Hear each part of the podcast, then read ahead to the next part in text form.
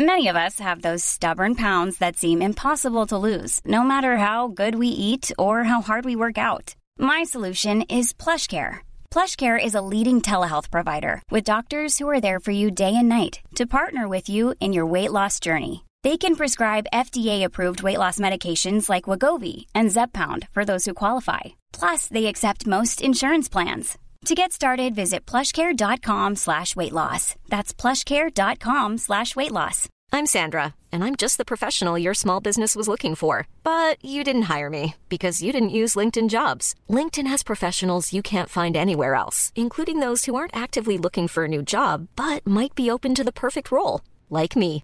In a given month, over 70% of LinkedIn users don't visit other leading job sites. So if you're not looking on LinkedIn, you'll miss out on great candidates like Sandra. Start hiring professionals like a professional. Post your free job on linkedin.com/people slash people today.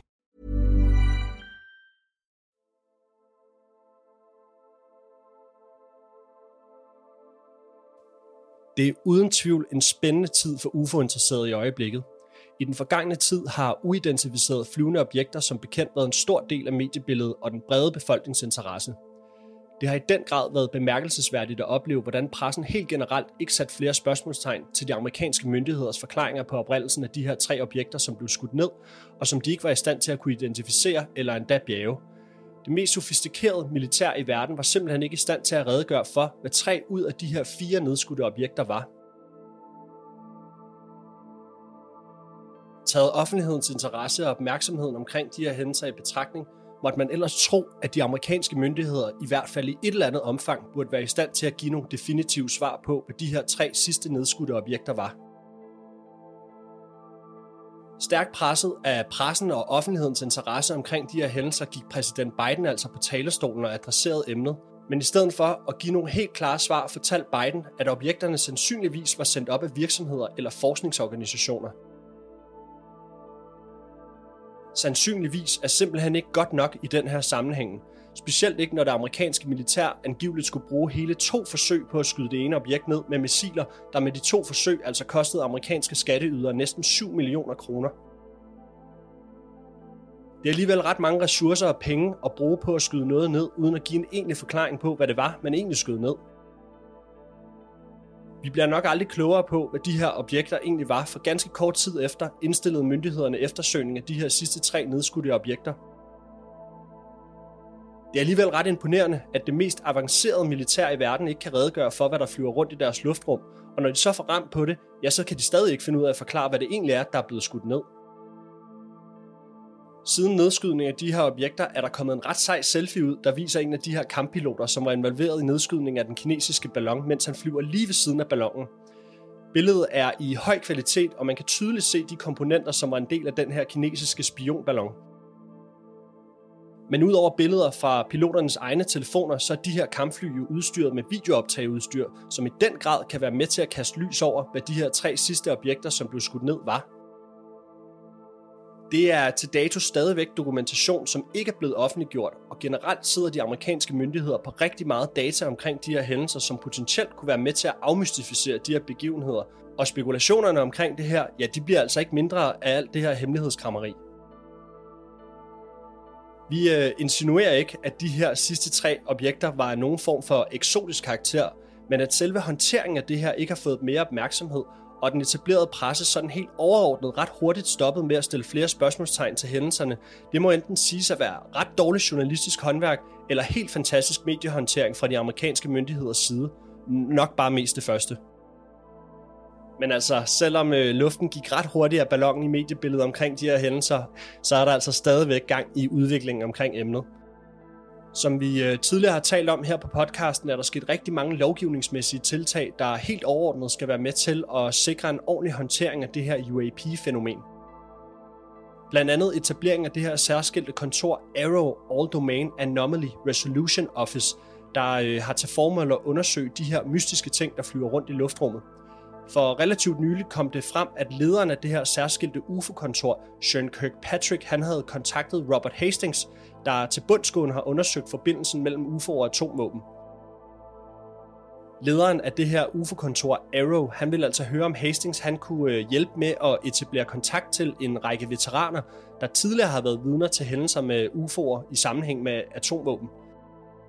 Det, øh, det kunne Hastings godt, og nu ved vi, at i hvert fald to af de her veteraner, som Robert Hastings han rakt ud til, altså har afgivet deres forklaring for det her særskilte UFO-kontor.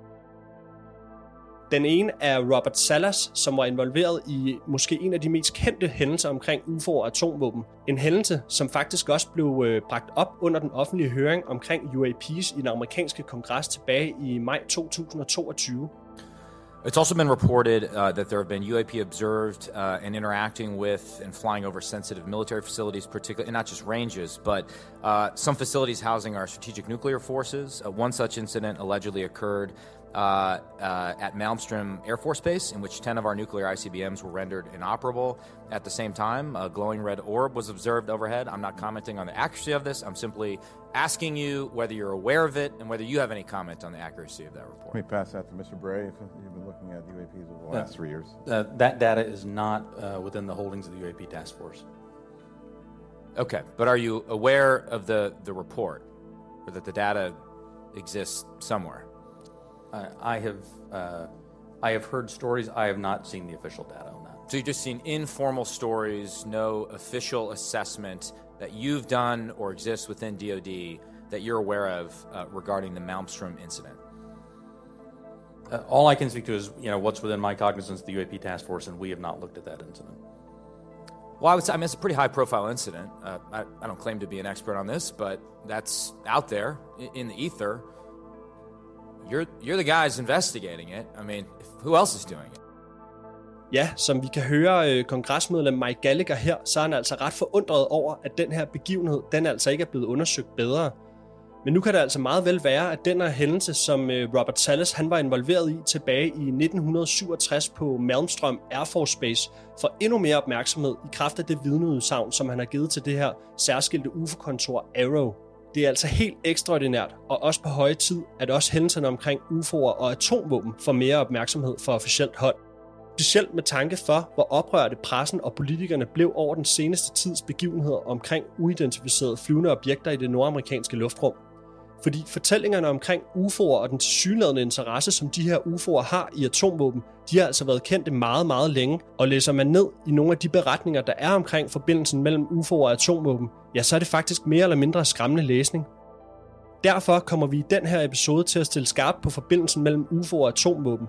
Lige præcis det her emne, det har længe optaget min medvært Frederik Uldal, og han har altså helt styr på alle de vigtige detaljer, så jeg er helt sikker på, at vi i dag kommer til at få en super spændende fortælling fra Frederik omkring det her. Derfor vil det også primært være ham, der er på i den her episode. Og øh, det passer faktisk mig ganske glimrende, fordi som nogle af jer måske kan høre, så har min stemme det ikke helt fantastisk, fordi jeg som så mange andre danskere lige har, har ligget syg. Men ja, så er det jo heldigt, at det lige præcis er det her emne, der er Frederiks spidskompetence.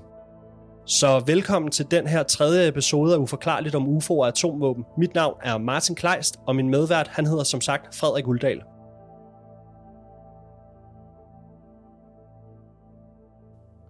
Ja, Martin, jeg synes faktisk, det er en øh, ret interessant udvikling, og det er jo på høje tid, at de her nukleare veteraner får lov til at fortælle deres historier til myndighederne, og de så småt bliver taget alvorligt.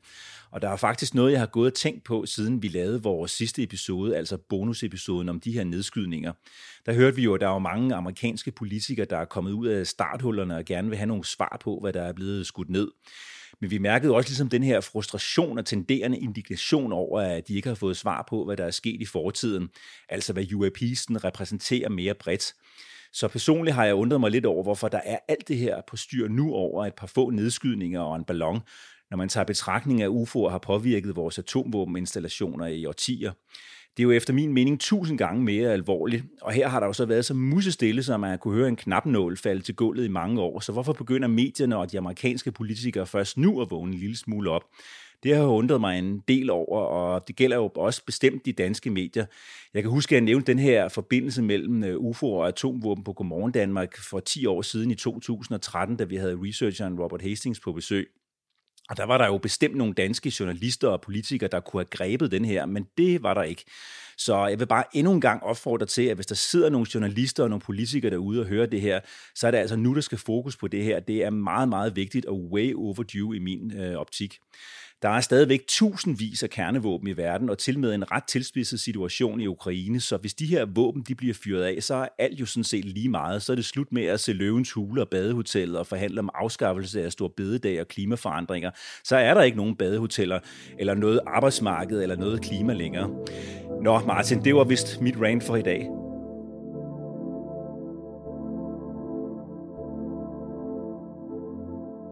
Som vi øh, nævnte i den første episode, så har den her forbindelse mellem atomvåben og UFO'er for nyligt faktisk været op at vende i en dansk kontekst. Det skete nemlig på øh, podcasten Flyvende Tallerken, hvor den tidligere omtalte militærveteran Robert Salas han blev interviewet. Som vi kort kom ind på i introduktionen af den her episode, havde Robert Salas som atommissiloperatør på Malmstrom Air Force Base i 1967, sammen med flere andre vidner, en helt ekstraordinær UFO-oplevelse – og det var altså det, som den her episode af Flyvende Tallerken handlede om. Og Frederik, du medvirkede jo faktisk i den her episode. Kan du ikke lige prøve at rise op, hvad den her såkaldte Malmstrøm-incident den går ud på? Jo, Martin, det kan jeg godt, men øh, jeg vil ikke bruge så meget tid på det. Jeg synes bare, at vores lyttere skal høre afsnittet på Flyvende Tallerken fra november 2022. For jeg vil egentlig gerne øh, fortælle om andre sager, som folk jo nok ikke kender, og vise, at det her emne om UFO og atomvåben er meget mere omfattende. Men jeg vil lige kort nævne, at Robert Salas øh, bare var en blandt mange af de her atommissilofficerer, som under den kolde krig havde oplevelser med, at UFO'er blev observeret i nærheden af de her Minuteman-atommissiler, som de var sat til at kontrollere og ultimativt set affyre, hvis 3. verdenskrig brød ud. I det her tilfælde, der ringer en af vagterne, der er oppe på overfladen, ned til Salas, som sidder nede i kontrolcentret flere meter under jordoverfladen. Salas oplever, at vagten er meget opredet i telefonen. Vagten fortæller, at der hænger et stort rødligt skinnende objekt ud over basens port, og kort tid efter begynder stort set alle missilerne i Salas' såkaldte Oscar Flight at gå i no-go condition. Det vil sige, at de ikke kunne affyres. Der er flere detaljer i den her sag, som jeg ikke vil komme ind på her, men øh, jeg nævner den lige, fordi øh, sagen bestemt ikke er unik. Der er flere lignende sager fra mange andre Minuteman missilbaser rundt omkring i USA under den kolde krig.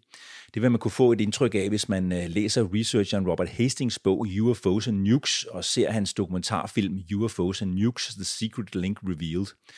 Og her vil jeg lige benytte lejligheden til at rose Robert Hastings arbejde. Han er jo efter min mening den researcher, der har undersøgt forbindelsen mellem UFO og atomvåben mest omhyggeligt, faktisk i over 40 år. Og meget af den her episode, som vi jo er i gang med her, den er baseret på hans arbejde. Lad os lige høre, hvad journalisten George Knapp sagde om Hastings i et nyhedsindslag fra 2016. Author and investigator Robert Hastings has spent more than 40 years locating and interviewing military veterans, missile officers, and others who worked in various parts of the atomic weapons program. More than 150 of them so far. They've all told the same story. That, in fact, UFOs have routinely monitored our nuclear weapons going back decades, and on occasion, apparently, have actually interfered with the functionality of those weapons. Ja, og som man kan høre her, har Hastings interviewet over 150 veteraner om deres oplevelser med UFO'er i nærheden af kernevåben, og faktisk har han nu justeret tallet til 167 veteraner. Inden den her episode, der mailede jeg lidt med Robert Hastings for at høre, om han var frisk på et interview, men øh, han var desværre optaget. Men jeg kan lige minde lytterne om, at man kan se et øh, foredrag med ham, som jeg optog, da han besøgte vores forening øh, den 8. juni 2013. Det ligger på Exopolitik Danmarks gamle YouTube-kanal, øh, og der er også et link til det her foredrag på mit website, frederikuldal.dk. Ja, Frederik, jeg kan jo virkelig godt fornemme på dig, at øh, temaet om forbindelsen mellem atomvåben og UFO'er er noget, du virkelig brænder for, og som du ved virkelig meget om. Og nu berørte vi det jo også lidt i anden episode, da vi interviewede Paola omkring Trinity-sagen. Men inden vi kommer sådan rigtig i gang med substansen, kunne du så ikke lige prøve at give lytterne sådan lidt et indblik i, hvordan dit engagement omkring lige præcis det her, det kommer fra? Jo, Martin, selvfølgelig. Øh, jeg tror dybest set, at det der med den altødelæggende atomkrig øh, var noget, der lå og spøgte i mit baghoved, da jeg var barn i 80'erne. Dem, der er på min alder og lidt ældre selvfølgelig, vi kan jo huske, at det var noget, som vi rent faktisk var bekymrede og bange for. Nogle gange tænker jeg på øh, de her sirener her, som øh, Beredskabsstyrelsen de tester den første onsdag i maj nu om dage. De blev faktisk testet hver onsdag, da jeg var barn. Det lød sådan her.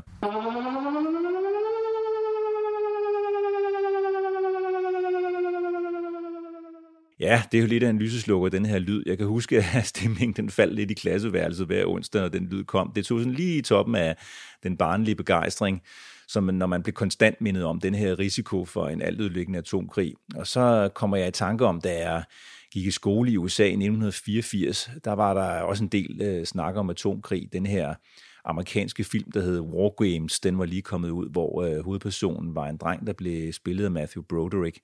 Han var så i filmen lige ved at starte 3. verdenskrig med sin computer og et modem, så det gjorde bestemt også et indtryk på mig. Og så var der så også den her tegneserie, der hed Når vinden blæser, When the Wind Blows, der handlede om et øh, ældre engelsk ægtepar, som oplever et atomangreb, og de dør så af det til sidst. Øh, og så var der jo det forhold, at min, øh, min far faktisk arbejdede med nedrustningspolitik i 80'erne øh, i et sekretariat for et udvalg, som Folketinget havde nedsat, der hed det Sikkerheds- og Nedrustningspolitiske Udvalg. Så i min barndom, der blev jeg også bevidst om, hvor, hvor mange atomvåben der egentlig var i verden, og de her bestræbelser på at nedbringe antallet af dem, og alt det her omkring atomvåbenfri zoner, og om amerikanerne nu havde sejlet ind i dansk farvand med atomvåben på deres skibe. Øh, og så var der jo også meget røre blandt øh, græsrødder omkring de her dumpinger i havet af radioaktivt øh, affald fra atomkraftværker. Og så var der jo bestemt også Tjernobyl-katastrofen i 1986, den kan jeg bestemt også huske. Den gjorde også et, et vældig stort indtryk på mig. Øh, og så tror jeg bare, at jeg var en voksen, da jeg var en voksen alder, der opdagede jeg den her meget veldokumenterede forbindelse mellem atom, atomvåben og UFO'er, og så steg min interesse, og det gik op for mig, at det her emne, det var virkelig, virkelig vigtigt og at det faktisk burde være noget, som interesse, øh, skulle interessere alle i et eller andet omfang, fordi det jo netop handlede om atomvåben. Så temaet efter min mening øh, ret stort, øh, og et meget stort stykke verdenshistorie, som er blevet overset. Ja, det, jeg tænker egentlig, at det faktisk er lidt bemærkelsesværdigt, at du nævner det her, fordi vi, vi to er jo fra, fra to forskellige generationer, og lige præcis det, du nævner her, det er, det er faktisk også noget, som jeg har talt med mine egne forældre om. Det, jeg tror, det er lidt en tid og en stemning, som er svær at sætte sig ind i, hvis ikke man har levet den. Altså, jeg kan jo huske øh, den 11. september, som var det i går, og, og der er jo generationer lige efter mig, der for eksempel ikke kan huske det. Og, og på en eller anden måde, så repræsenterer det også bare sådan en begivenhed, som sikkert er vanskelig at sætte sig ind i, hvis ikke man, hvis ikke man kan huske det, fordi de følelser og oplevelser, der var både sådan under og efter, det har i den grad sat sin spor helt frem til i dag, i, hver, i hvert fald hos mig. Øhm, så, så på den måde kan jeg sagtens perspektivere til, hvad det er, du mener. Øhm, jeg tror også, sådan, samtidig kan jeg også godt sådan fornemme nu, hvad man måske oplevede dengang i forhold til, forhold til den her krig, der jo er i Ukraine omkring den her evige raslen med atomsablen. Der er jo så helt afsindigt mange atomvåben i verden. Øhm, så det er da også min opfattelse, at de yngre generationer er begyndt at opleve den her frygt, som, som du jo også havde dengang. Men, øh, men Frederik, kunne du ikke lige prøve at give lytterne et overblik over, hvad vi sådan lidt mere konkret skal tale om i den her episode? Jo, Martin, det vil jeg gerne. I dag vil jeg fortsætte, hvor vi slap i afsnittet på flyvende til Lærken. Jeg vil gerne gå lidt mere i dybden og illustrere omfanget af den her forbindelse mellem kernevåben og UFO'er. Malmstrøm-sagen, som vi snakkede om før, er jo langt fra den eneste episode, som har fundet sted. Så jeg kunne godt tænke mig at vise, det her UAP-fænomen, som øh, flere måske tror er noget nyt på grund af de her aktuelle og populære New York Times-artikler, faktisk går meget længere tilbage. Det er bare nu, at det langt om længe er ved at ramme mainstreamen. Medierne de har jo været musestille om det her i meget lang tid, som jeg sagde før, og min skjulte dagsorden, den er jo også at få danske medier til at komme lidt ud af starthullerne, hvad det her angår. Efter min mening er det her jo et øh, stykke verdenshistorie, som i den grad er blevet ignoreret. Men øh, for at jeg ikke starter på det her rant igen, så tror jeg bare, at jeg vil rige dagens program op.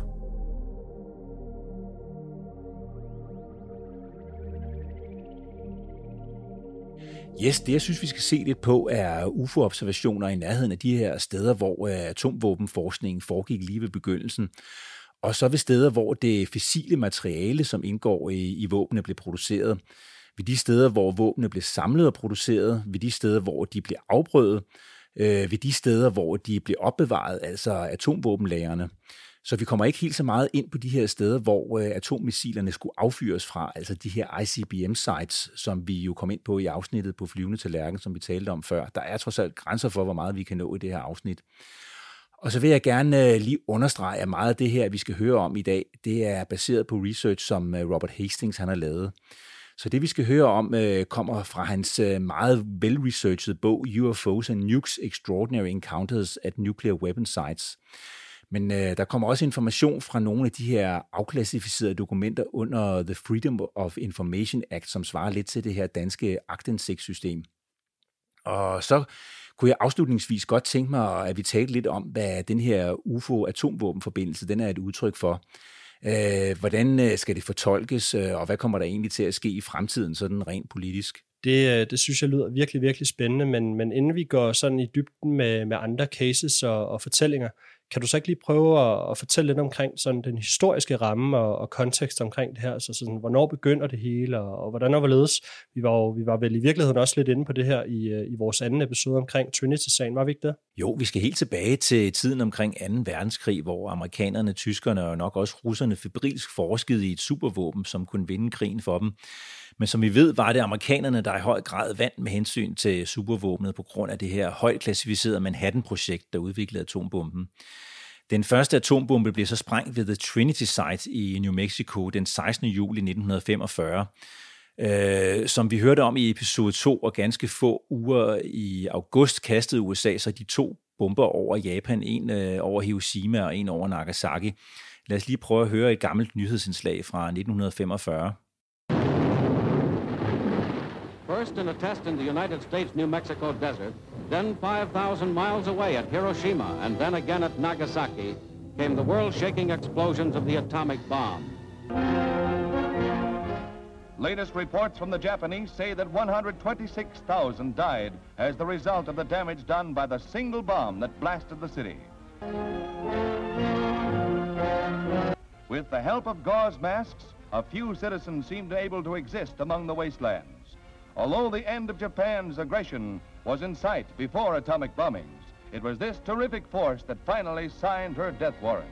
Ja, så hele verden var chokeret over den store ødelæggelse, som aldrig var set før. Omkring 150.000 til 250.000 mennesker blev dræbt med de to øh, atombomber. Men det medførte jo så, at Japan overgav sig helt. Så i nogle få år har USA altså monopol på den her frygtelige teknologi. Men i 1949, der får øh, Sovjetunionen så sin egen atombombe. Og med de store spændinger, der er mellem USA og Sovjet, begynder der så et øh, fabrilsk våbenkapløb. Så nu handler det bare om at udvikle og afprøve så hurtigt som muligt. Så nogle af de her helt centrale steder i USA under den kolde krig er Los Alamos i New Mexico, øh, hvor våbnene blev udviklet, i hvert fald i starten. Senere blev de så samlet og produceret ved noget, der hedder Sandia Labs, tæt ved Albuquerque. Spøjs nok af Robert Hastings, som vi talte om før, født på Sandia Base. Men så er der også øh, nogle andre sites, som nok ikke er så meget i folks bevidsthed, nemlig de her steder, der producerede det radioaktive materiale, som indgik i kernevåbnene. Det var især i starten noget, der hedder The Hanford Site i Washington State i det nordvestlige hjørne af USA, og så var det The Oak Ridge National Labs i Tennessee, og noget, der hedder Savannah River National Labs i South Carolina i det sydøstlige hjørne af USA. Og her i slutningen af 40'erne og især 50'erne og 60'erne går amerikanerne så i gang med at afprøve de her nye våben, som de begynder at forfine. Og det foregår ved noget, der hedder The Pacific Proving Grounds øh, ved Marshalløerne, langt ude i Stillehavet. Og så sker det ved The Nevada Test Site, som jo selvfølgelig ligger i Nevada. Og så var der også en, en anden udvikling engang, og den handler om, hvordan man øh, kunne levere de her kernevåben. For i starten, der blev atomvåben over Japan jo bare kastet ud med bombefly. Så der var en, en betragtelig leveringstid. Tidsrammen var i hvert fald i flere timer. Men i 60'erne fik man nu kombineret atomsprænghoveder med den nye raketteknologi, som man var kommet i besiddelse af fra Nazi-Tyskland. Nogle kender måske den uh, tyske raketvidenskabsmand Werner von Braun, som efter krigen kom til USA under det her projekt, som hed Operation Paperclip. Han var med til at udvikle de V2-raketter, som tyskerne terroriserede London med under krigen. Så mange af de her V2-raketter, som var udviklet ved Peenemünde-basen ved Østersøen, de blev så snuppet af amerikanerne og bragt til USA og testet og videreudviklet ved White Sands Missile Range, som også ligger i New Mexico. Men for at gøre en lang historie kort, så havde man nu muligheden for at levere en atomsprængledning på under en time med flere tusind kilometer i timen. Senere begyndte man så at bestykke oceangående ubåde med atommissiler, og så var leveringstiden bragt endnu længere ned. Nogen husker måske den gamle 80'er-film med Alec Baldwin og Sean Connery og Jagten på Røde Oktober, hvor en uh, sovjetisk atomubådskapsejn hopper af til Vesten. En anden uh, uhyggelig udvikling, som vi heller ikke må glemme, var udviklingen af brintbomben i 50'erne, også kaldet termonukleare våben de var jo meget, meget kraftigere end de første atombomber, så nu blev truslen om den her altudlykkende øh, atomkrig virkelig en realitet.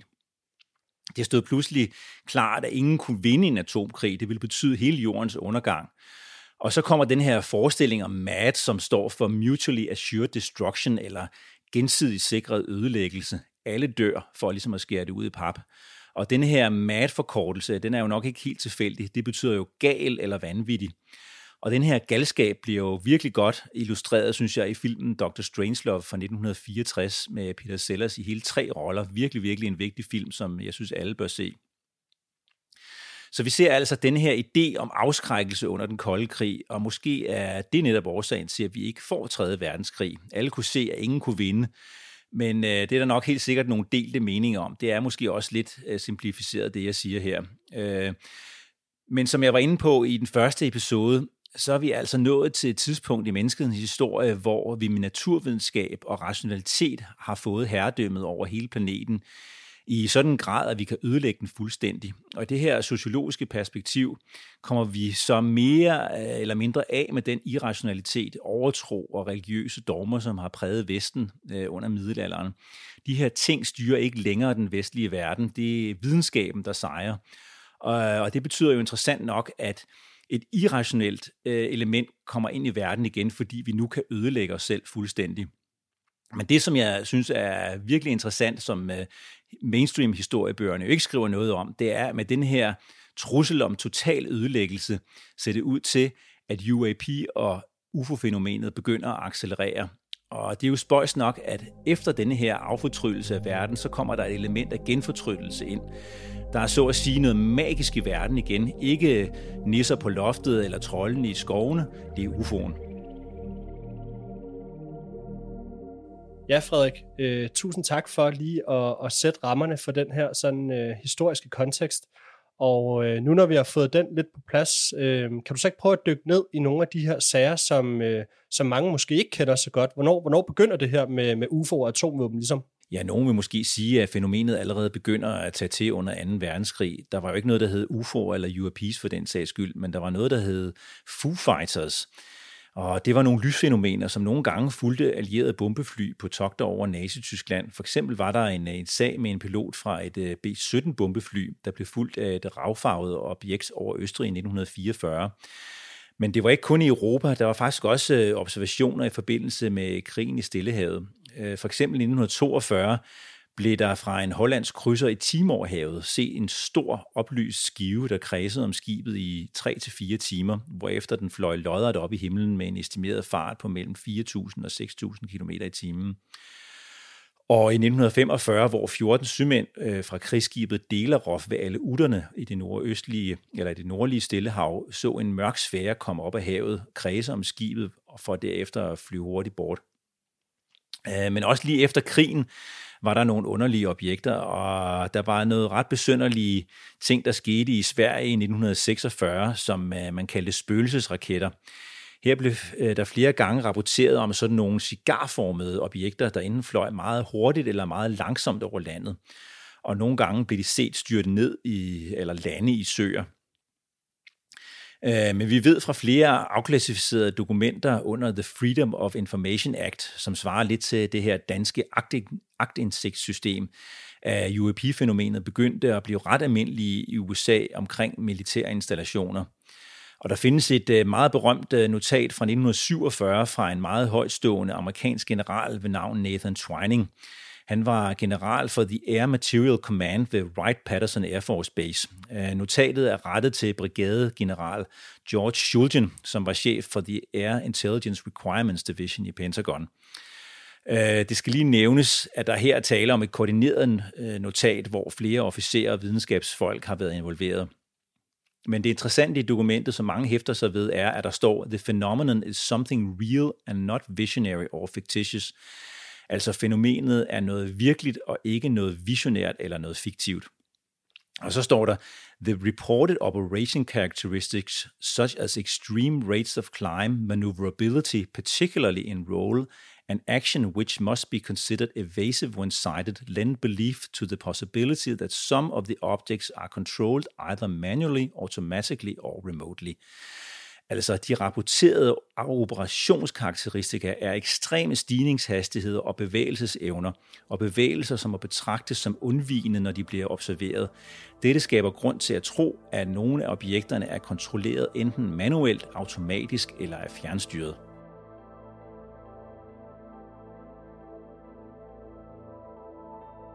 Men lige for at vende tilbage til The Freedom of Information Act, så er det jo altså høj grad i 70'erne, at man med de her afklassificerede dokumenter kan begynde at se et mønster og en forbindelse mellem UFO og atomvåben.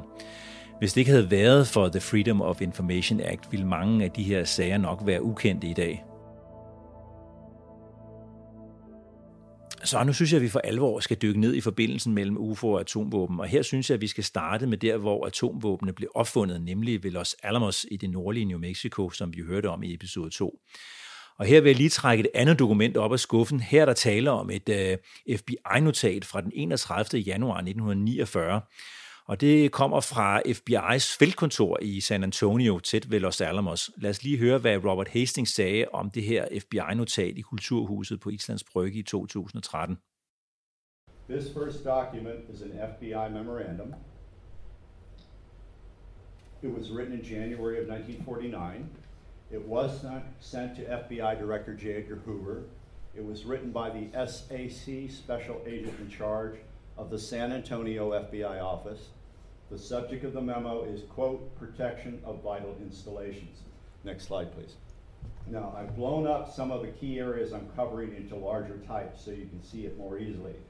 The first paragraph says that in previous two weeks, various civilian and military intelligence groups within our government, my government, met to, quote, discuss the matter of unidentified aircraft or unidentified aerial phenomena, otherwise known as flying discs flying saucers, and balls of fire. Whoever wrote this memo had underlined the last sentence in the first paragraph. It says, This matter is considered top secret by intelligence officers of both the Army and the Air Forces. Next slide, please. Now, why? Why would this matter of flying discs, flying saucers be considered top secret? This is the reason. In the last paragraph on that page, it says, during the past two months, various sightings of unexplained phenomena have been reported in the vicinity of the Atomic Energy Commission installation at Los Alamos, New Mexico, where these phenomena now appear to be concentrated. So this memo from 1949, some four years after these momentous world-shaking events, the invention of atomic weapons, the focal point for UFO activity in the United States, according to the FBI's own internal documentation, was the birthplace of nuclear weapons. Los Alamos. Ja, dokumentet kommer altså fra en sagsakt, der hedder The Protection of Vital Installations, eller beskyttelse af vitale installationer. Og det beretter om et møde mellem civile og militære efterretningsfolk, som diskuterer the matter of unidentified aircraft, eller unidentified aerial phenomena, og det var et sikkerhedsproblem, der var forbundet med det her fænomen. En videre fremgår det af The Atomic Energy Commissions installation ved Los Alamos, at det lod til at være et UFO-hotspot, og der var gentagende observationer lige på det her sted. Notatet illustrerer også, at UFO'er blev klassificeret som tophemmelig af de her militære og civile efterretningsofficerer. Og i notatet der står der, at uforklarlige fænomener blev observeret i december 1948 nær Los Alamos af special agents fra the Air Forces Office of Special Investigations af civile piloter, af militærpiloter og af sikkerhedsinspektører fra Los Alamos, og så også almindelige borgere for den sags skyld. Ja, og ikke nok med det, et andet FBI-notat her fra den 23. august 1950 til Assistant Director D.M. Ladd, der diskuteres andre UFO-observationer nær atomvåben-sites, som var begyndt at blive ret almindelige gennem de sidste 20 måneder. Lad os høre, hvad Hastings sagde om det dokument i Kulturhuset. Uh, this is an excerpt from a second FBI memorandum from August 23rd, 1950, uh, some year and a half after the, uh, uh, the document I was showing you a moment ago. And this basically discusses uh, unidentified aerial objects being sighted near not only Los Alamos, but, but a place called Sandia Base, where I was born, as a matter of fact, in 1950. Uh, the weapons were designed in Los Alamos. They were assembled and engineered down at Sandia Base in Albuquerque, Now, the body of this document says that the types of objects being reported around Los Alamos and Sandia Labs were of various types. The first type, quote, green fireballs, objects moving at high speed in shapes resembling half moons, circles and disks emitting green light. Ja, titlen på det her notat var opsummering af luftfænomener i New Mexico. Og hvis jeg lige skal oversætte fra dokumentet, så står der, observationer af luftfænomener i nærheden af følsomme installationer er blevet registreret af de Air Force siden december 1948. Fænomenerne er blevet klassificeret i tre generelle typer. 1. Grønne ildkugler, det vil sige objekter, der bevæger sig med høj fart i former, der ligner halvmåner, cirkler og disk, som udsender grønt lys. 2. Disks, det vil sige runde flade objekter eller fænomener, som bevæger sig med høj hastighed og som udsender et klart hvidt lys eller reflekteret lys. 3. Meteorer, det vil sige luftfænomener, som ligner meteormateriale, som bevæger sig med høj fart og med varierende farver. Lad os høre lidt mere fra Hastings om, hvad der står i dokumentet. This particular FBI memorandum concludes by saying, quote, since 1948, approximately 150 observations of aerial phenomena referred to above have been recorded in the vicinity of atomic installations in New Mexico. So again, you know, what was developing behind the scenes and what the public was being told were day and night, two different things altogether. Så der står altså, siden 1948 har der været ca. 150 observationer af luftfænomener, som de overnævnte, som er blevet registreret i nærheden af installationer i New Mexico. Flere af observationerne er blevet rapporteret af forskellige pålidelige personer på cirka samme tidspunkt. Så vi ser altså her dokumentation for rigtig mange uidentificerede flyvende objekter i nærheden af det sted, hvor atomvåbnene blev opfundet. Det, der så sker, er, at i 1948 bliver nogle af aktiviteterne fra Los Alamos flyttet til en anden base ved Albuquerque. Den hedder Sandia Base, og det er altså her atomvåben i hvert fald til at starte med bliver fremstillet og samlet. Så fra april 1948 var Sandia en separat afdeling af Los Alamos. Men øh, fra slutningen af 48 her fra Sandia Base begynder civile og militærfolk så at observere flyvende tallerkener og grønne ildkugler. Det står på igennem 1949 og de første år af 50'erne, som faktisk er den samme periode, hvor de bliver observeret i Los Alamos. Og så bliver de i øvrigt også øh, observeret fra Kirtland Air Force Base, som ligger lige vest for Sandia. Og her kan jeg lige nævne nogle eksempler, som kommer fra nogle rapporter fra Køland Air Force Base, Office of Special Investigations og fra nogle andre afklassificerede øh, dokumenter.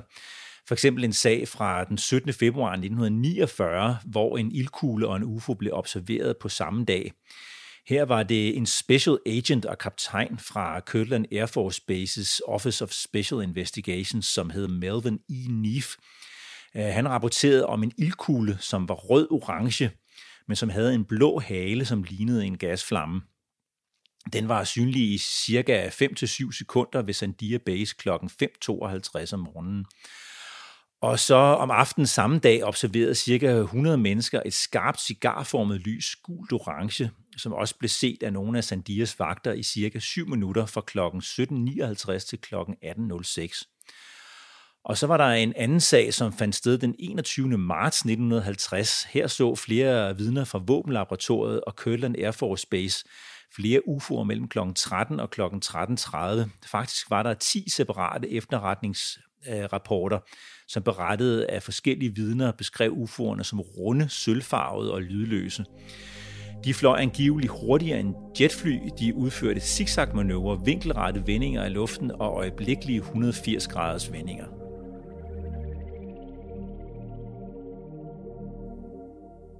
Som jeg tidligere nævnte, er der også øh, flere dokumenter, der viser, at der var UFO-observationer i nærheden af de fabrikker og laboratorier, hvor det fissile materiale til kernevåbne blev produceret.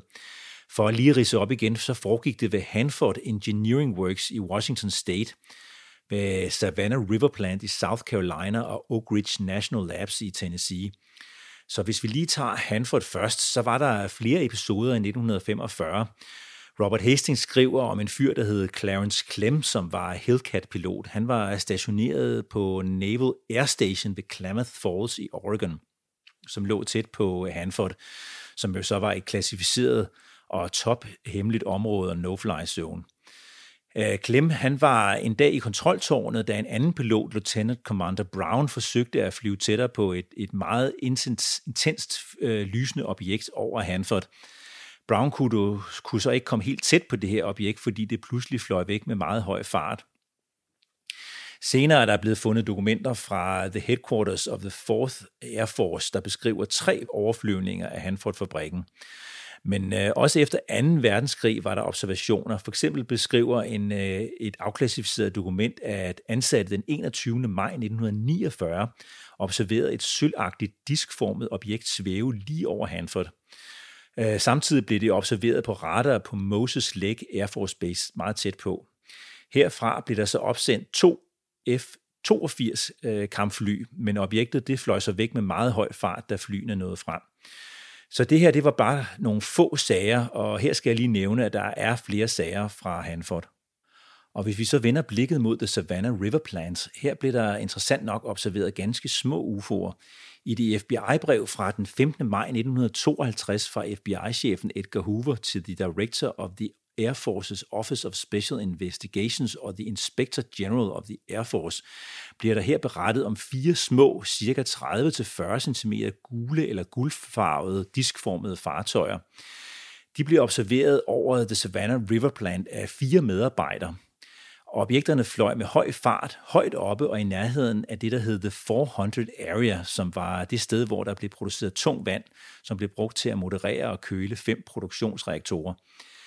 Størrelsen på de her små UAP'er blev estimeret ved, at en af dem på et tidspunkt fløj så lavt, at den måtte stige ligesom for at flyve over en tank, som stod på jorden. Og så vil jeg lige nævne, at der også er eksempler fra The Oak Ridge Plant, men øh, det har vi ikke rigtig tid til at nå i dag, og så jeg vil bare gå videre til atomvåbenlærerne.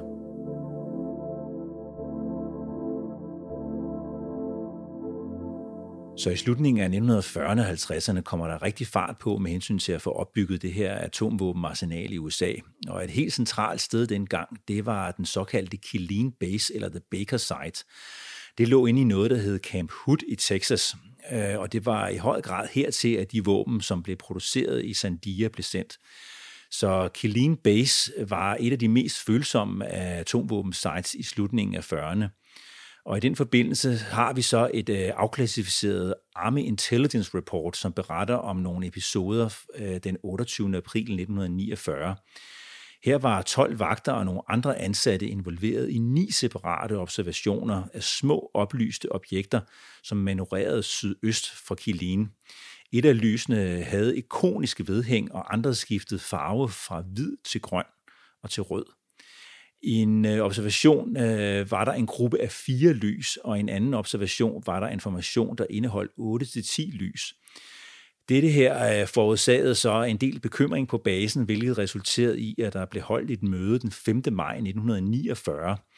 Her deltog repræsentanter fra The Fourth Army, the Air Force Office of Special Investigations, Office of Naval Intelligence, US Army Counterintelligence Corps, FBI og Armed Forces Special Weapons Project. Og i det her dokument der antydes det så, at der var en del uenighed blandt disse grupper, som jeg nævnte før, med hensyn til, hvor alvorligt det her det var. Derudover vil jeg lige øh, kort berøre en anden sag om et øh, atomvåbenlager, som mange af vores lyttere nok kender i forvejen. Det er The Rendlesham Forest-sag fra 1980, som foregik ved den amerikanske base Bentwaters Woodbridge i Suffolk i England. Og her er der altså tale om en meget omfattende sag, som er beskrevet i flere bøger og dokumentarfilm. Øh, og da det jo er en lidt nyere sag, så er der mange øh, nulevende militærvidner, men pointen er, øh, at der også her var forlydende om, at der blev observeret UAP's i nærheden af basens våbenlager. Her var det så lidt sværere at få en eksplicit bekræftelse på, at der var atomvåben våben på basen, men det er næsten helt sikkert, at der var taktiske atomvåben på basen, efter min mening. Men for de lyttere, der ikke kender Rendlesham Force-sagen, så vil jeg lige opfordre dem til at se nogle af James Fox's dokumentarfilm, for eksempel I Know What I Saw, som jeg faktisk tror, man kan se på YouTube. Men vi kan godt lige prøve at høre basens næstkommanderende Oberst Charles Holt bekræfte, at der var lysstråler, som blev sendt mod basens våbenlager. About that time we noticed the other object to the south was sending down beams, about a mile, mile and a half away over Woodbridge Base. Uh, we had three different radios with us the police radio, the security police radio, and I had to come in net. All three radios were functional. We were talking to control centers. They were constantly breaking up, and we had great difficulties communicating. But we were able to discern that the on the police and security net that some of those beams were either falling into or near the weapons storage area, and there's a great deal of concern.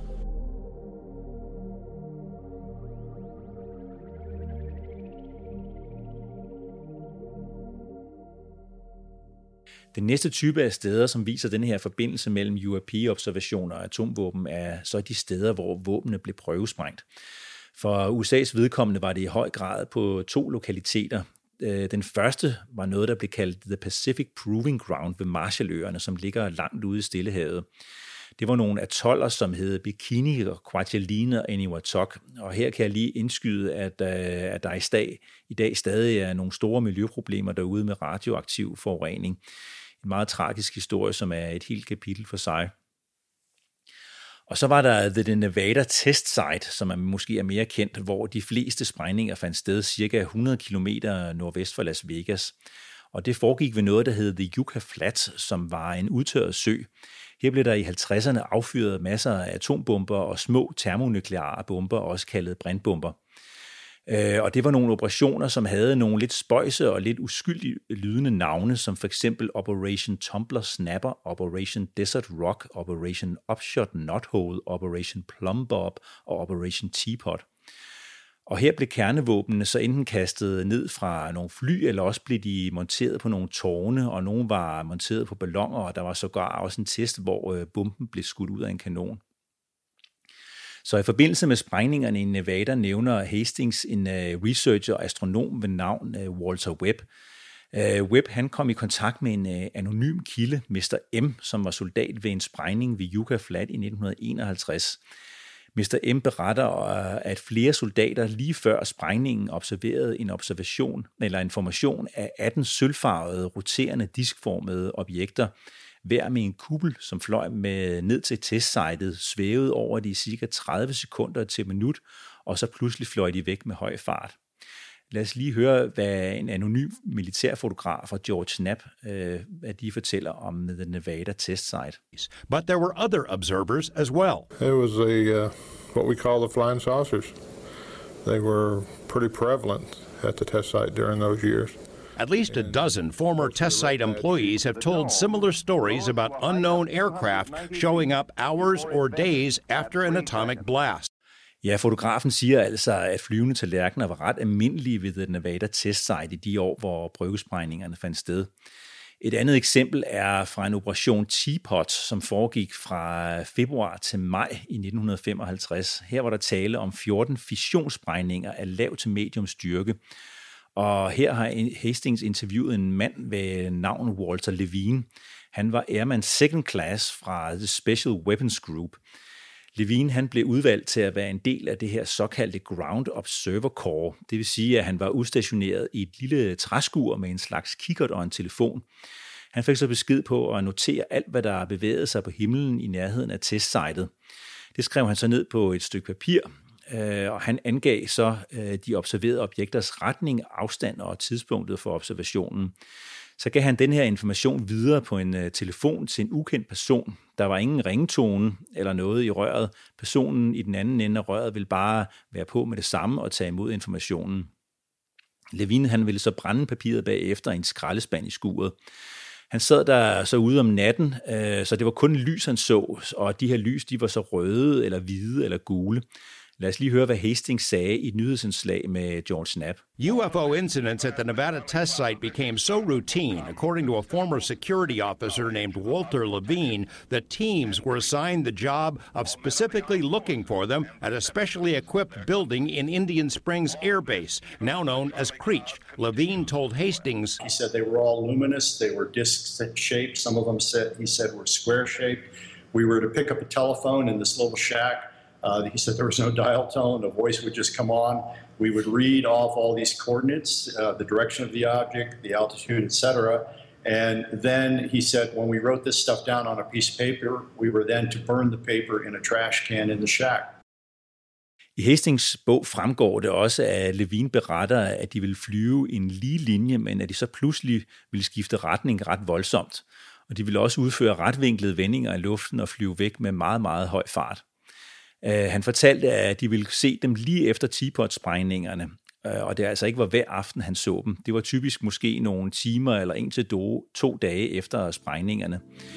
Men inden vi fortsætter med det næste testsite i Stillehavet, vil jeg bare lige nævne, at der altså er flere eksempler fra The Nevada testsite.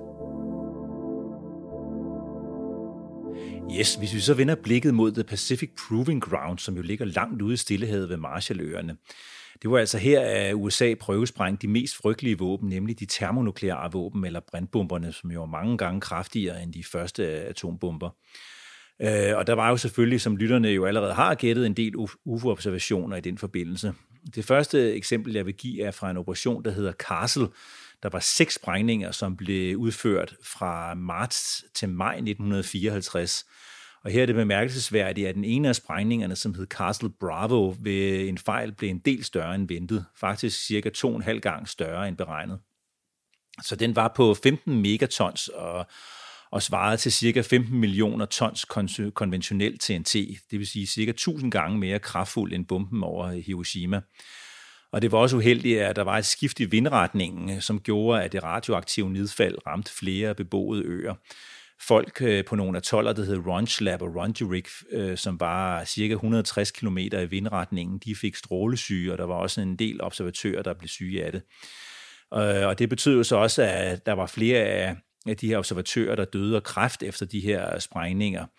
Og at der så var nogle efterfølgende var nogle kvinder, som blev gjort til, hvad man kaldte nukleare enker.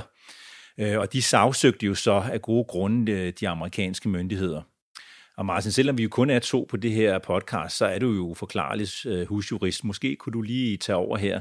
Jo, Frederik, det, øh, det kan du tro. Øhm, og det, det er jo virkelig en interessant historie, som Hastings han fortæller i forbindelse med, øh, med Operation Castle.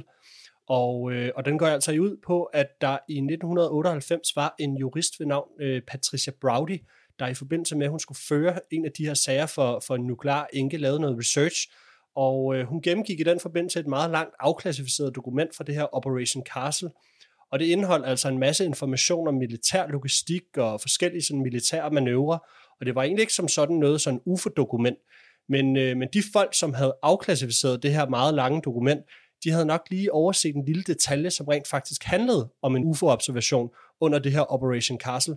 Den skete fra et, øh, et krigsskib, som hed øh, USS Curtis, og det var altså The Atomic Energy Commissions flagskib. Og, øh, og det her flagskib, det havde altså i øvrigt flere atomfysikere fra Los Alamos og Sandia med ombord.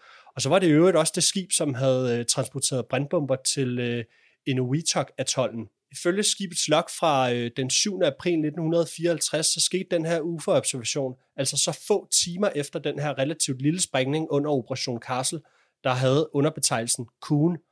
Skibets log var ellers sådan ret udramatisk, men pludselig står der, at et uidentificeret flyvende objekt passerede over skibet kl. 23.05 fra akter til stævn. Det var gulligt orange og fløj i høj fart og i lav højde. Robert Hastings og en anden researcher ved navn Dan Wilson har så, smarte som de er, interviewet flere, som var ombord på USS Curtis under Operation Castle. En af dem var en fyr, der hed Joe Stallings, og han var altså flådekorporal. Han, øh, han fortalte Hastings, at han ikke selv så UFO'en, men at der var meget snak om episoden på skibet. Flere andre søfolk fortalte Stallings, at øh, UFO'en den var oval, lysstærk orange og, og helt lydløs, og havde altså overfløjet skibets akter mod stævn, det vil sige, vidneberetningerne de stemte ret godt overens med den her log, der jo ligesom var på skibet. Men øh, en detalje, som ikke var med i dokumentet, var, at øh, Stallings sagde, at alle dem, som havde set det, nævnte, at så snart UFO'en dem var fløjet over skibet, så lavede det altså sådan en zigzag-manøvre og fløj væk med meget høj fart. Et andet vidne, som øh, Hastings har interviewet fra USS Curtis, var en, øh, en mand ved navn Tom Kramer. Han havde cirka 18 måneder for inden under en anden operation, som hed Ivy, set noget lignende udføre en øh, zigzag-manøvre ved, ved høj hastighed, så, øh, så der er altså to uafhængige vidner, som, øh, som beretter om det samme her. Spændende, Martin, men her skal det også lige nævnes, at Hastings han fortæller om, at folk ved flere lejligheder ville se UFO'er flyve rundt om de her store paddehatteskyer efter atomprøvesprængningerne. Det kan vi høre Robert Hastings fortælle om på vores øh, UFO-konference i Kulturhuset på Islands Brygge. Detonating hydrogen bombs. There are many veterans who were involved in these military operations involving the testing in Nevada and the South Pacific. Who have said they were observing these objects and even seeing them flying around the mushroom clouds. after minutes after the detonations, there were radar trackings and visual observations by military pilots of unknown objects maneuvering near the mushroom clouds.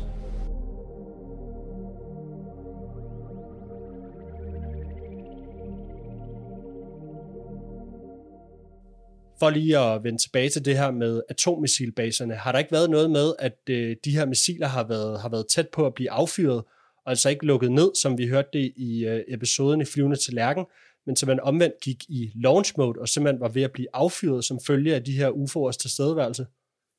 Jo, det er rigtigt, Martin. Jeg synes, øh, det er vigtigt også at give et eksempel på de tilsyneladende sjældne opstartsepisoder, som jo er særdeles skræmmende.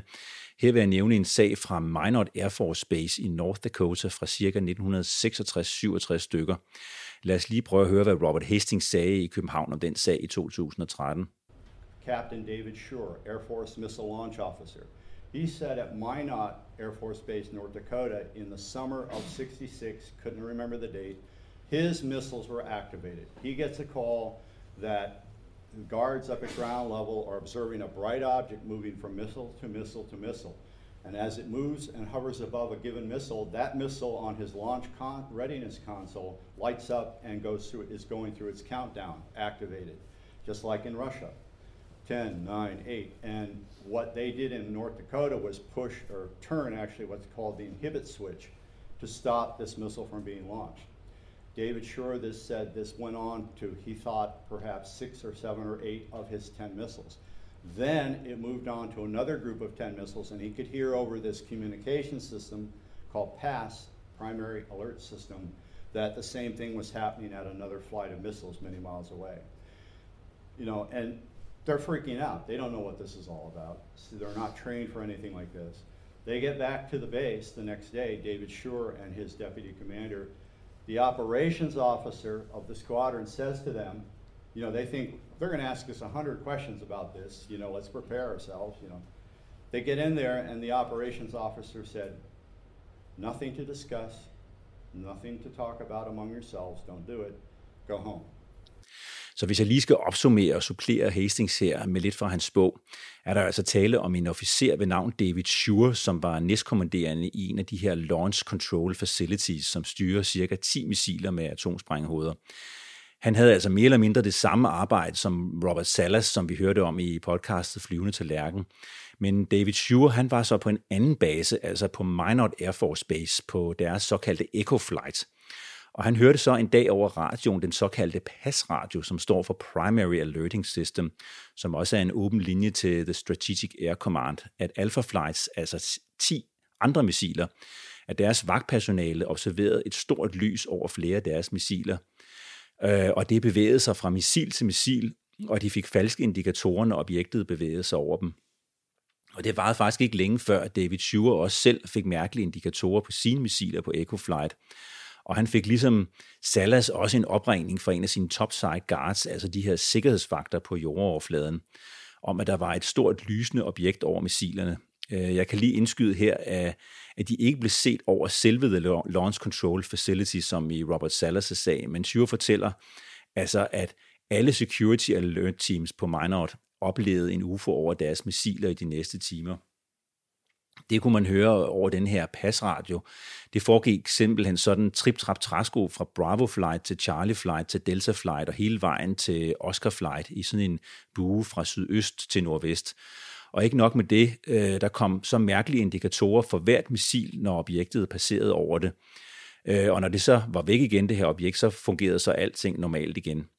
Men det, der var ekstra bemærkelsesværdigt her, var, at Shure på et tidspunkt også fik en launch in progress øh, indikator, som jo betød, at de måtte bruge deres såkaldte inhibit switch, altså sådan en hindringskontakt.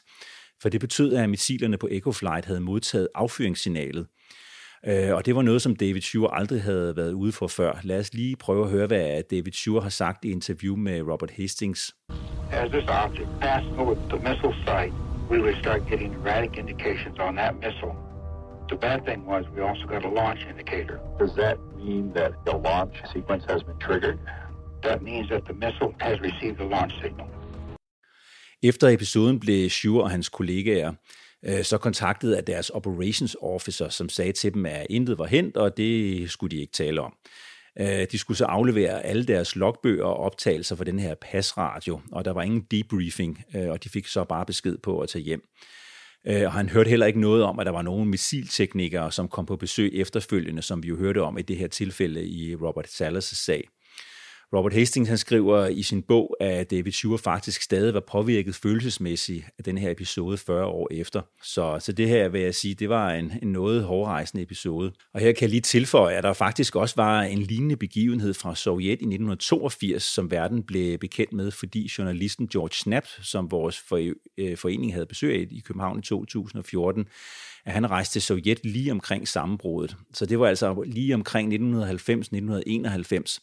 Og her fik han så en, en del sovjetiske dokumenter med ud.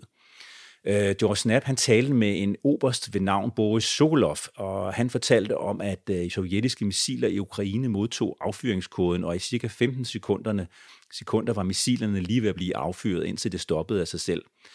Og den her sag betød så, at myndighederne i Moskva blev ret alarmeret, og man i Sovjetunionen satte sådan en større UFO-undersøgelse i gang. Men jeg synes lige, vi skal prøve at høre George Knapp, hvad han sagde om den her sag, da jeg interviewede ham på Christianshavn den 5. oktober 2014. This goes back to Colonel Sokolov, something that he had told me about an incident in the Ukraine at an ICBM base. It was one of the most dramatic cases that his office investigated. It was in 1982. UFOs appeared over this Russian base. They were seen for a period of four hours. Uh, there were dozens of officers, uh, majors, captains, and above, who gave witness statements. There was one gigantic craft, and then there were a lot of smaller craft. These things were dancing around over the base. They would merge together and split apart, performing maneuvers that we couldn't do. And then after about four hours, the mission control center for this Russian ICBM base, it was taken over. The control panel lit up someone, something entered the launch codes to these missiles. The guys are going crazy. They're trying to turn it off, pull the plug, stop it, and they couldn't. The missiles were enabled. They're ready to launch. It would have been the beginning of World War III. And then, poof, in an instant, the UFOs went away, the mission control panel went back to normal, and uh, the Russians were really perplexed. In the days right immediately, Colonel Sokolov gets the report. He sends a team to investigate. They couldn't find anything wrong with the control panel. It had never happened before, it had never happened since. They concluded, and they even wrote it in a report, that the UFOs were demonstrating, uh, they were making a point. These may be your most powerful weapon systems, but they don't impress us. We can control them anytime we want. Meget spændende, men jeg synes også lige, at vi skal høre den ukrainske UFO-researcher Paul Stonehill, som jeg interviewede i maj 2010 i Washington D.C. Han fortæller her om samme sag fra 1982, og som en lille krølle på halen tilføjer han også noget interessant vedrørende Tjernobyl-ulykken i Ukraine i 1986. Could you tell me about a really convincing, interesting UFO story from Ukraine or from the former Soviet Republic? Well, there are two stories. One took place in 1982 in Ukraine when a gigantic object was sighted over a Soviet nuclear missile silo site. And uh, because of the presence of the object, uh, the ground control lost all control, and the missiles were about to be launched at the United States. Mm. For 15 seconds, there was no control. The war was about to start, and then had, they had regained control. This was a very important case because a field research team from the secret UFO research program was sent to the site, headed by Polkovnik Colonel Sokolov, and a few other people. This happened in October of 1982, a very memorable year for Soviet UFO phenomenon, because we had sightings all over the country, USOs as well as UFOs. Another significant case took place in 1986 when Chernobyl explosion took place. A UFO was sighted over the site of the explosion and a ray shut down from the UFO actually helped diminish the effects of the explosion, which brought much needed help to the people of Ukraine. Ja, og interessant nok får vi lige et indblik i, at der måske også har været UFO-aktiviteter i nærheden af atomkraftværker, hvilket vi ikke har tid til at komme ind på i den her episode, men øh, måske kunne vi lave et afsnit om det en dag, Martin, og måske også se på, om der har, for eksempel har været noget i forbindelse med Fukushima-ulykken i Japan i 2011. Ja, fordi Frederik, jeg tænker på, at alt det her er jo, er jo meget historisk, og mange af de her begivenheder ligger jo en, øh, en del tid tilbage. Er der ikke nogen, øh, nogen cases fra nyere tid, som vi lige kan prøve at, at kigge lidt på? Ja, Martin, rigtig godt spørgsmål. Den sag, øh, jeg først kommer i tanke om, er en episode fra den 23. oktober 2010 på Warren Air Force Base i Wyoming. Her mister man øh, pludselig kontakten til 50 atommissiler, og vi får så at vide i medierne, at missilerne har været nede i cirka en time. Den officielle forklaring var, at en printplade var blevet udskiftet forkert. Her er et lille klip øh, fra et indslag på CNN om sagen. This is CNN breaking news. The breaking news involves a power failure that shut down a major part of the U.S. nuclear missile arsenal. Let's go to our Pentagon correspondent, Chris Lawrence. Wow, Chris, what, what do we know? Well, Wolf, this happened out in Warren Air Force Base out in Wyoming. And, and bottom line is this for less than an hour, about an hour on Saturday, uh, the base lost primary communication with about 50 intercontinental ballistic missiles. Men ifølge Robert Hastings, så er der altså flere af de her teknikere, som blev sat til at udbedre fejlen, som anonymt har berettet, at systemet var nede mere eller mindre en hel dag. Så her hører vi, at det altså ikke kun er en time. Vi hører også, at et stort cigarformet objekt blev observeret flere gange over basen af flere holdteknikere, mens missilerne ikke kunne affyres. Og ikke nok med det, alle de her missilvedligeholdelsesteknikere fik streng besked på fra en overordnet på ikke at tale med journalister og researcher om, hvad de havde set eller ikke måtte have set. Så det her er jo altså en sag af lidt nyere dato, og her ville det jo selvfølgelig være interessant, hvis vidnerne stod frem med navn, men det sker måske først en gang, når de er nået pensionsalderen. Men anyway, vi har også nogle lidt nyere observationer fra et andet atomvåbenlager. Former security officers at Area 2 at Nellis Air Force Base, for years a storage facility for up to 200 nuclear warheads, have reported multiple intrusions by unknown aircraft from the late 90s through 2004. Det her var et lille udpluk fra en nyhedsreportage, som George Knapp lavede om Robert Hastings dokumentarfilm UFOs and Nukes. Og her er der altså tale om et sted, der hedder Area 2 i Nevada, tæt på Nellis Air Force Base. Her har Hastings interviewet en tidligere sikkerhedsvagt, som ønsker øh, at være anonym. Men Hastings fik faktisk en, en kopi af hans DD-214, som er sådan et dokument, som bekræfter hans tilstedeværelse. Men den her anonyme sikkerhedsvagt fortæller så, at han i 1990'erne og 0'erne ved flere lejligheder så uforklarlig lys, der svævede over Area 2. De bevægede sig ofte sådan helt uberegneligt, og de fløj tit med ret høj fart. Øh, her er der for eksempel en episode fra 2002, hvor en øh, kugle på cirka en meter i diameter fløj rundt langs våbenlagets hegn. Øh, flere sikkerhedsfolk forsøgte så at følge efter det her hurtigflyvende objekt i deres homvis, dog uden held. En anden episode fra Area 2 er fra 2003. Her blev der observeret et stort rødligt lysende sfære, som blev estimeret til at være cirka 30 meter i diameter. Det her objekt det fløj på et tidspunkt hen over flere folk på stedet i cirka en højde på 25 meter. Det tog så ganske få sekunder, hvor efter objektet så at sige eksploderede lydløst og lysende nattemørket op i cirka 5 sekunder. Der var ingen chokbølge, og der fortælles, at der var sådan en slags aura af stillhed. Vidnet fortæller videre, at da objektet fløj hen over dem, kunne man ligesom mærke tilstedeværelsen af det.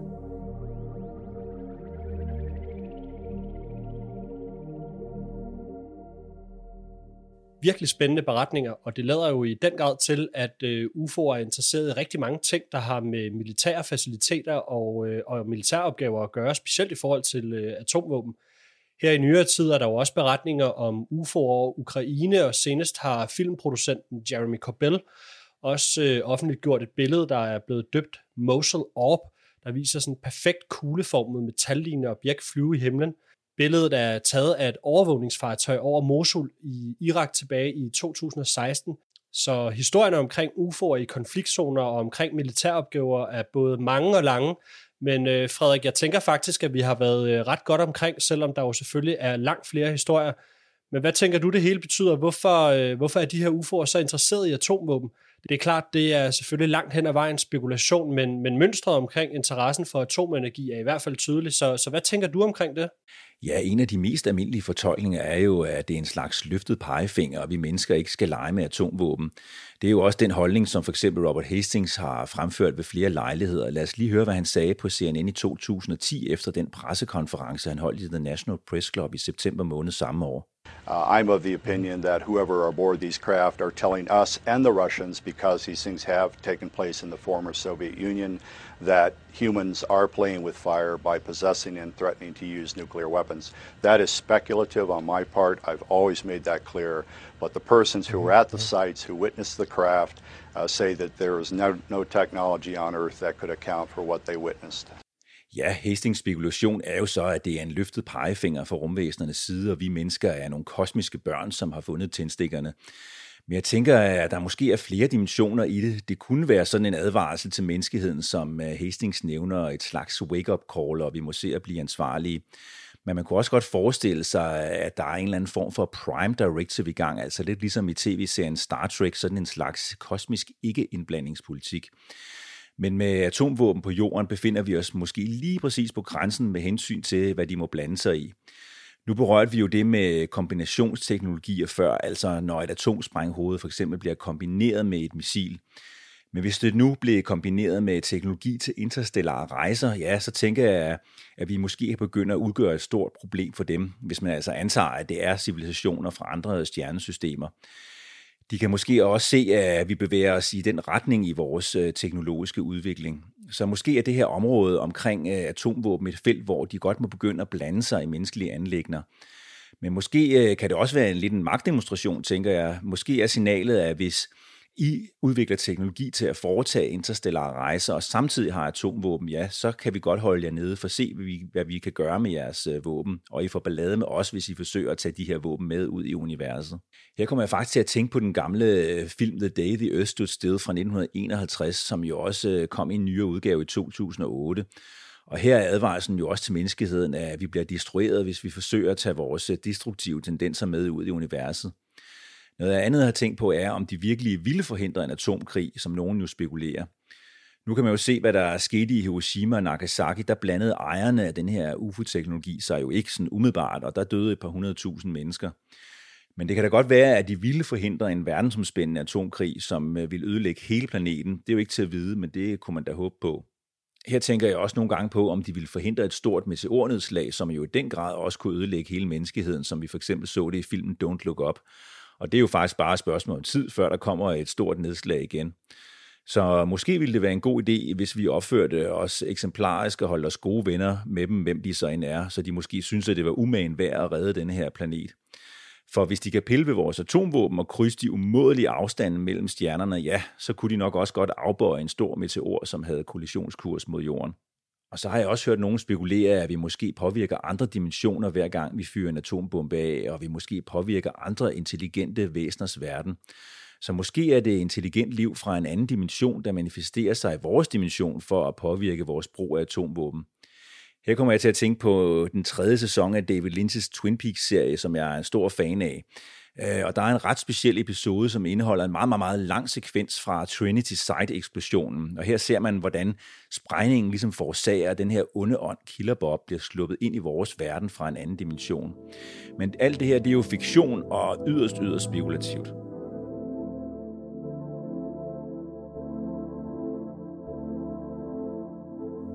Noget andet, jeg har tænkt på, er, om det hele er til for gradvist at få vores opmærksomhed, og at den her atomvåbenforbindelse er en del af en større plan om gradvis disclosure, så vi altså ikke får den her meget abrupte annoncering fra myndighedernes side om, at vi får besøg fra universet.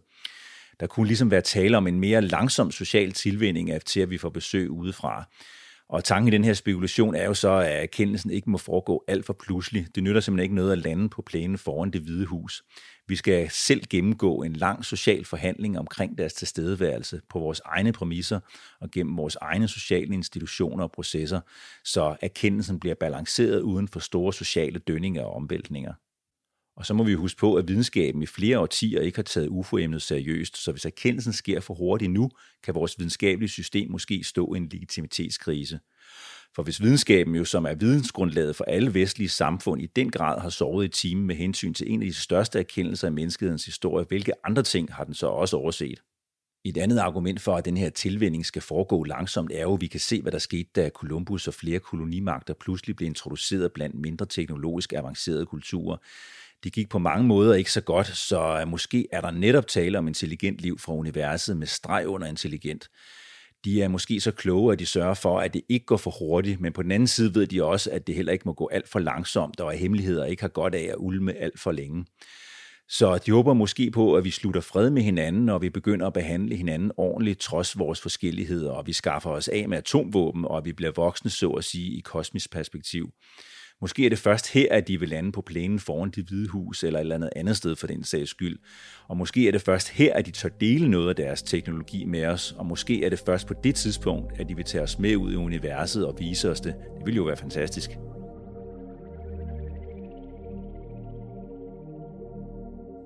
Jeg synes virkelig, det er nogle spændende betragtninger, du kommer med her, som, øh, som vi så småt begynder at, at runde episoden af.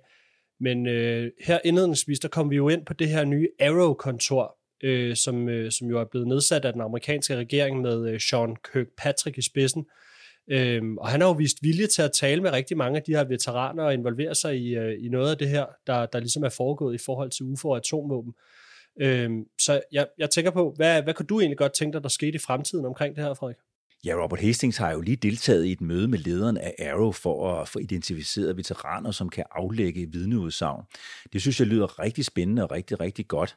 Og her kommer jeg til at tænke på Washington-aktivisten Stephen Bassett. Han holdt sådan en slags uofficiel mock-up congressional hearing i 2013 i The National Press Club. Og den har måske spillet en lille rolle med hensyn til at få banet vejen for den høring, vi så i Washington i 2022. Men øh, tilbage i 2013, der var der jo så en del tidligere kongresmedlemmer, som blev kaldt ind til den her uofficielle høring. Og så vidt jeg husker, så var der en, en ret lang session, som netop handlede om forbindelsen mellem UFO og atomvåben. Øh, så jeg håber da, at det her tema bliver bragt op i den åbne øh, officielle høring i USA næste gang. For efter min mening er det jo stadigvæk elefanten i rummet, som ingen taler om, nemlig hvem eller hvad er det, der piller ved de her atomvåben. Og det er jo ikke kun amerikanernes atomvåben, det drejer sig om. Nu nævnte vi jo også Sovjet, og efter forlyden er der jo også for, det her jo også foregået i mange andre lande med atomvåben. Det, øh, det leder os jo ned til øh, en lidt bredere snak om atomvåben, Frederik. Øh, hvis nu vi antager, at, at det er rumvæsener, og, og beskeden er, at vi bør afskaffe dem, er det så, er det så overhovedet realistisk, sådan som du ser det? Ja, godt spørgsmål, Martin. Tilstedeværelsen af atomvåben er jo nok et udtryk for, at planeten Jorden eller menneskeheden stadigvæk er for splittet. Men måske har den her afskrækkelse under den kolde krig forhindret, at vi netop fik en tredje verdenskrig. Men øh, der er jo stadigvæk krig i verden, og hvis vi ikke havde atomvåben, ville de måske eskalere, så det er jo lidt komplekst det her. Men selvfølgelig tror jeg, at alle ønsker sig en verden, hvor det ikke burde være nødvendigt at have atomvåben. Ja, og, og, og når du siger det, så kommer jeg faktisk lige i tanke om et citat fra den tidligere amerikanske præsident Ronald Reagan, som i øh, 1987 talte om øh, splittelse og forening af menneskeheden til øh, FN's generalforsamling. Skal vi, ikke lige, skal vi ikke lige prøve at høre det, Frederik? Jo, Martin, men lige inden vil jeg da gerne lige nævne, at Ronald Reagan jo også selv havde en UFO-oplevelse fra et fly, da han var guvernør i Kalifornien, inden han blev præsident. Og han havde faktisk også en screening sammen med Steven Spielberg af filmen E.T. i det hvide hus. Så jeg tør godt konkludere, at Reagan i et eller andet omfang var interesseret i tanken om besøg fra universet. Men uh, lad os prøve at høre det, Martin. In our obsession with antagonisms of the moment, we often forget how much unites all the members of humanity. Perhaps we need some outside universal threat to make us recognize this common bound. I occasionally think how quickly our differences worldwide would vanish if we were facing an alien threat from outside this world. And yet, I ask you, is not an alien force already among us? What could be more alien to the universal aspirations of our peoples than war and the threat of war? Virkelig øh, spændende citat, og vildt fedt, at det her emne på en eller anden måde også bliver bragt op i, i FN-regi. Men øh, jeg tænker også på, hvis du vil virkelig øh, kunne finde ud af at enes her på jorden, tror du så ikke, at øh, vi alligevel vil øh, beholde nogle af de her atomvåben? Fordi man kan sige, at nogen vil måske argumentere, at øh, hvad hvis nu vi en dag oprigtigt blev troet af rumvæsener, og øh, ja, så ville vi jo have noget, ligesom at, at, at kunne bekæmpe dem med, som vi så det i øh, filmen Independence Day, hvor øh, amerikanerne sniger et atomvåben ind i øh, rumvæsenernes moderskib og redder jorden. Ja, Martin, det er da en god pointe, og det er jo svært at spå om, hvad der ville ske, hvis vi alle her på jorden pludselig blev gode venner. Men indtil da er der efter min mening et stort demokratisk problem, som vi skal have løst først. Der er simpelthen for meget hemmelighedskrammeri på den her planet vedrørende det her meget eksplosive emne. Og selv når man tager de her nyere udviklinger med i ligningen, som for eksempel artiklerne i New York Times og høringen i den amerikanske kongres, så er den brede befolkning simpelthen bare ikke informeret nok efter min mening. Men selvfølgelig er det da blevet klart bedre inden for de sidste 10-15 år. Men det er jo slående, at der stadigvæk ikke er en åben og informeret debat på tværs i det internationale samfund om UFO'er, og i særdeleshed om den her meget tydelige forbindelse til kernevåben. Og det er jo noget, synes jeg, som vedkommer os alle, og også folk, der ikke har sådan en nørdet interesse for UFO'er. Så så længe at myndighederne ikke beskæftiger sig mere med emnet, må vi efter min mening som befolkning informere hinanden og kræve, at vores politikere og medier beskæftiger sig med det. Der er med andre ord stadigvæk brug for en græsbrugsbevægelse omkring det her, synes jeg. Vi er jo borgere i et demokratisk samfund, og det er vores pligt at stille krav til vores politikere men jo også til vores journalister, og her kommer jeg i tanke om en gammel tale om hemmeligholdelse, som Kennedy holdt for en gruppe journalister. Ladies and gentlemen, the very word secrecy is repugnant in a free and open society, and we are as a people inherently and historically opposed to secret societies, to secret oaths, and to secret proceedings. We decided long ago that the dangers of excessive and unwarranted concealment of pertinent facts far outweighed the dangers which are cited to justify it. Even today, there is little value in opposing the threat of a closed society by imitating its arbitrary restrictions. Even today, there is little value in ensuring the survival of our nation if our traditions do not survive with it. And there is very grave danger that an announced need for increased security will be seized upon by those anxious to expand its meaning to the very limits of official censorship and concealment. That I do not intend to permit to the extent that it's in my control. And no official of my administration, whether his rank is high or low, civilian or military, should interpret my words here tonight as an excuse to censor the news, to stifle dissent, to cover up our mistakes, or to withhold from the press and the public the facts they deserve to know. For we are opposed around the world by a monolithic and ruthless conspiracy that relies primarily on covert means for expanding its sphere of influence, on infiltration instead of invasion, on subversion instead of elections, on intimidation instead of free choice, on guerrillas by night instead of armies by day. It is a system which has conscripted vast human and material resources into the building of a tightly knit, highly efficient machine that combines military, diplomatic, intelligence, economic, scientific, and political operations. Ja, Frederik, det, øh, det stiller i den grad krav til, øh, til både politikere, men i særdeleshed også journalister. Der er ingen af os to, der har en baggrund som journalister, men det er åbenbart selv for os, at der er overvældende meget overbevisende materiale omkring det her. Der er jo ingen af os, der postulerer, at det her er aliens, der kommer fra en anden planet, og det er ikke engang noget, som vi rigtig insinuerer. Vi formidler jo principielt bare det materiale, der er på det her område, fuldstændig som den etablerede presse burde gøre det, fordi det her det er drøn vigtigt, både ud fra et eksistentielt perspektiv, men også ud fra et sikkerhedspolitisk perspektiv. Vi kan ikke have, at så sensitive våben som atomvåben bare sådan uden videre kan sættes i gang eller slås fra. Når de nu endelig, desværre efter min mening er her, så skal vi have fuld kontrol over dem. At det ikke er den største historie nogensinde, at atomvåben af så mange omgange er blevet manipuleret med, det forstår jeg simpelthen ikke.